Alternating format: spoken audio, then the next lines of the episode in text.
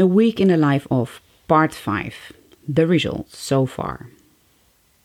Ik krijg het maar niet voor elkaar om deze post te schrijven. Het heeft denk ik te maken met het feit dat blijdschap en dankbaarheid kennelijk in mijn geval ook heel dicht bij rouw liggen. En daar krijg ik nog steeds geen grip op. Ik begin gewoon en we zien wel waar het schip strandt. Hopelijk helpt het mij om dit te schrijven en met jullie te delen. Heb je vragen, stel ze gerust. Vragen staat vrij. Zoals jullie hebben kunnen lezen en horen in mijn vorige podcast, voelde ik mij steeds beter gedurende de therapieweek. De dagen waren lang en zwaar, maar elke keer was er weer iets in het programma waardoor ik nieuwe energie, enthousiasme en ook mijn oude competitieve inslag hervond. Elke dag hebben we zowel in de ochtend als in de avond een foto gemaakt op dezelfde plek in onze Airbnb. We wisten dat voor eerdere CFX-helden er soms een enorm verschil zichtbaar was en wilden dit moment vangen mocht het zich voordoen. Zoals de foto's bij de blog laten zien, gelukt. De eerste foto is van de maandagochtend, voor de therapiedag van start ging. En de laatste foto van de vrijdag daarop, voor de laatste scan en testen. Een wereld van verschil. En zo voelde het ook. Ik kon weer opstaan zonder de enorme drang om meteen weer terug te gaan. Douchen was geen opgave meer. De supermarkt in na een dag therapie kon leuk zijn. Ik kon schrijven in de avond en vergat mijn zonnebril waar ik al zeven jaar mee verkleefd was. Ik zag ineens na tien uur therapie en twaalf uur van huis dat Gert zijn zonnebril opzette en realiseerde me dat ik hem niet op had. Onbeschrijfelijk. Ik ging dus ook met zoveel goede hoop en een klein beetje zenuwen, eerlijk is eerlijk, naar CFX voor de scan. Iedereen was een beetje nerveus. Gedurende de week, waarbij de meesten zich echt beter gingen voelen, hadden we ook meer contact kunnen maken in de patiëntenkamer. In het begin kon niemand dat aan. Te veel prikkels en aan het einde zochten we elkaar gewoon op. Sommigen hadden hun scan een dag eerder al gehad en kwamen als eerste met hun resultaten terug, menig een in tranen. Toen was het na een lange lunch tijd voor ons gesprek. Eerst nog wat uitleg. Het rapport is uitgebreid. De eerste diagram bij het blog laat een score zien voor mij in vergelijking met anderen met hersenletsel. Het groene deel geeft aan dat er wel hersenletsel is, ook wel klachten, maar dat deze te hanteren zijn en de kwaliteit van leven aanvaardbaar beïnvloeden. Heel kort door de bocht gezegd. De bloedtoevoer en dus zuurstof samen met het vraag- en aanbodsysteem zijn redelijk in balans wat de klachten vermindert. Geel is al minder prettig en rood of erboven is echt heel naar. Normale hersenen, waarbij geen sprake is van letsel, zitten onder het groen en hebben een min negatieve score. Meer uitleg vind je via de link in de blog. Zoals je op de foto's bij het blog ziet, begon ik goed in het rood met 1,86. De tabel daaronder geeft grofweg een functionele verdeling aan. Idealiter zitten alle scores onder de 0,75. Daar was dus nogal wat mis. De tweede foto laat zien wat mijn laatste score was. Van 1,86 naar 0,56. Wat een verschil. We kregen uitleg en Gert filmde het hele gesprek. Elke vraag werd beantwoord en omdat mijn letsel van een andere oorzaak en categorie is dan waar hun ervaring ligt, willen ze heel graag mij blijven volgen in mijn verdere herstel. Ik krijg uitleg over de hypo's die ik heb, ook door de hersenletsel, de problemen met mijn lichaamstemperatuur en nog veel meer. Naast de grove scoren worden er ook circa 45 specifieke hersengebieden in kaart gebracht. Zijn ze in balans of krijgen ze te veel, overactief, of te weinig inactief bloed en dus zuurstof?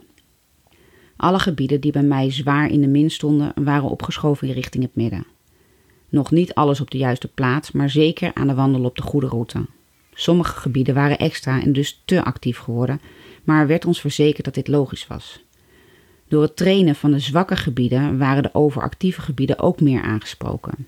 Iets wat in de loop van de tijd zich moet settelen en wat dus nog zal verbeteren.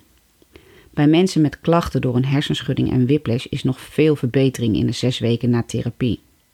In mijn geval kunnen ze geen uitspraak doen over de termijn waarop ik zal verbeteren en dit volgen ze dan ook vanaf afstand. Euforisch verlieten we het gesprek, wij en de gesprekshelden van CFX. Omdat je gedurende zo'n super intense week enorm met elkaar meeleeft, wilden we nog even wachten op de resultaten van iemand anders. Zij had een nog grotere verbetering via de scan zichtbaar gemaakt. Alleen in tegenstelling tot mijn ervaringen had ze daar in praktijk veel minder van gemerkt. Dat was dus best even slikken. En ik voelde al een rare brok in mijn keel sinds ons gesprek. Zo zie je maar, elk letsel en elke score is uniek. Het is een richting, maar ieder letsel is net zo uniek als ieder mens. Toen ik in de patiëntenkamer naast Gert en met mijn nieuwe lotgenoten vriendin mijn scores besprak, brak ik. En dat gebeurt me ook nu weer tijdens het tikken van dit bericht. Het is complex en ik snap het zelf ook nog steeds niet helemaal, maar ik ga proberen wat duidelijkheid te creëren. Ik denk dat er onbewust een drang, verlangen, hoop en verwachting is ontstaan dat ik weer als gezond, normaal brein uit de laatste scan zou glijden. Ik voel en voelde zoveel verbetering dat ik de magische herstelheld wilde zijn. Stiekem had ik dat al verwacht, maar wat de scan liet zien is dat ik nog steeds hersenletsel heb en die kwam heel hard binnen. Ik wist het natuurlijk. Ik heb het zelfs iedereen verteld om eerlijk te blijven en verwachtingen te managen. Ik ben alleen even vergeten mezelf daar hoofdpersoon in te maken. De tranen en het verdriet bleven wel even stromen. Op de parkeerplaats tijdens mijn eerste kop cafeïnehoudende koffie, eerste actie na CFX, en zelfs nu nog zo blijkt de afgelopen weken.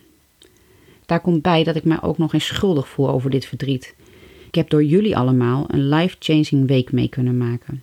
Ik heb veel vooruitgang geboekt en het kan nog beter worden en dan voel ik mij verdrietig, maar haal ik het lef vandaan?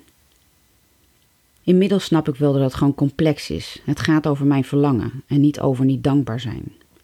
Bovendien, met de gebieden waaraan bij mij gewerkt is, ben ik al gewaarschuwd voor emotionele schommelingen, gedoe met mijn spijsverteringssysteem en nog wat zaken die worden aangestuurd door de hersenen. Dus ook dat zal wel een rol spelen. Die emoties heb ik bewust uitgeschakeld tijdens mijn Epic Week. Ik wilde gewoon alles geven, alles doen en alles eruit halen wat maar mogelijk was. Voor emoties even geen plek. En dat is ook gelukt. Het is alleen geen einde, zo'n behandelweek, maar een begin.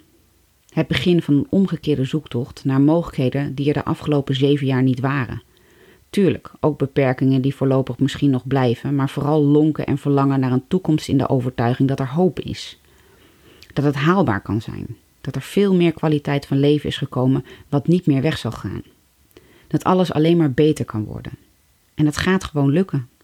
Het is een proces, niet makkelijk, wel de moeite waard. Maar denk zeker niet dat het voor niks is geweest. Wat telt is hoe ik mij voel, ook al moet ik mezelf daar regelmatig aan herinneren. En feitelijk niet eens waar ik uiteindelijk ga uitkomen. Het verlangen naar een normaal leven met werk en onafhankelijkheid moet wachten op de realiteit. Maar opstaan en douchen zonder dat ik daarna moet gaan graven naar energie om me af te drogen en aan te kleden, is een onbetaalbare ervaring. Dank jullie wel.